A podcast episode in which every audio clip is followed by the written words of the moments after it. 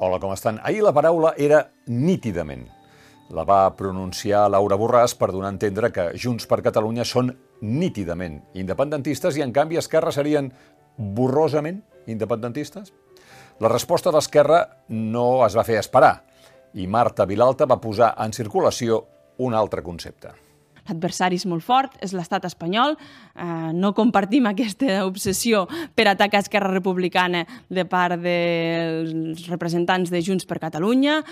I si això va, com sembla que va, tal com apunten les enquestes, entre Pere Aragonès i Miquel Iceta, què farà Junts per Catalunya quan arribi el moment?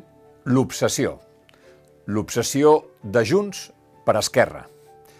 En realitat, l'obsessió és mútua. Esquerra va clarament al davant a les enquestes, però encara no ha aconseguit investir un president de la Generalitat des de 1954, el president Josep Tarradellas a l'exili. Junts per Catalunya va clarament per darrere les enquestes, però sap, o almenys fins ara ha sabut, imposar-se a l'esprint final de les eleccions. Això si parlem del present.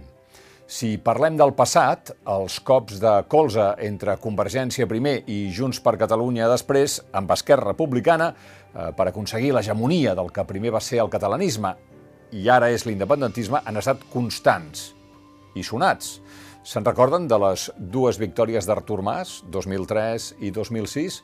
Van acabar amb Convergència a l'oposició i Esquerra al govern perquè els republicans van voler fer govern amb PSC Iniciativa. Ara Borràs parla d'independentistes nítids en el sentit que Esquerra no va voler investir Puigdemont i Esquerra li recorda que Junts per Catalunya va pactar amb el PSC a la Diputació de Barcelona el juliol de l'any passat. I encara més recentment, octubre de 2017, Puigdemont està pensant en convocar eleccions per evitar el 155, ho té decidit i és eh, gent de dins del seu partit i els líders d'Esquerra, Junqueras i Rovira, els qui més empenyen per la duir. Al final, no hi ha eleccions, perquè ningú no vol passar per traïdor. L'obsessió, el resultat d'una obsessió, una obsessió que veiem a la tribuna d'oradors del Congrés entre Rufián i Borràs. Laura Borràs diu que, naturalment, Esquerra és el seu soci prioritari per formar govern, i Esquerra, en canvi, s'obre als comuns, mentre insisteix que no pactarà amb el PSC, però acaba d'acordar els pressupostos generals de l'Estat amb el PSOE, al contrari de Junts, o de la part de Junts que no és PDeCAT perquè el PDeCAT sí que s'assuma els pressupostos del govern espanyol. L'obsessió entre tots dos grups no és nova. Esquerra va unida darrere Aragonès, o sigui, de Junqueras, mentre Junts ha de convèncer que el PDeCAT tampoc no és nítidament independentista.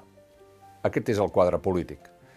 Però que no oblidin ni els uns ni els altres que l'obsessió mútua ha decebut moltíssims votants independentistes que no entenen com poden barallar-se públicament tenint com tenen tots dos presos i exiliats.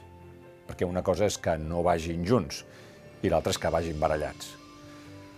Però sobretot que no s'oblidin que l'obsessió del carrer en aquests moments és no sortir ja més mal parats de la pandèmia. Estem en emergència social. Per tant, que refrenin de demanar a la gent que resolgui el problema de qui té l'hegemonia, perquè són ells els que han de resoldre el problema econòmic i social derivat de la pandèmia i no al revés. Ser nítidament independentista no voldria superar, dir superar aquesta obsessió.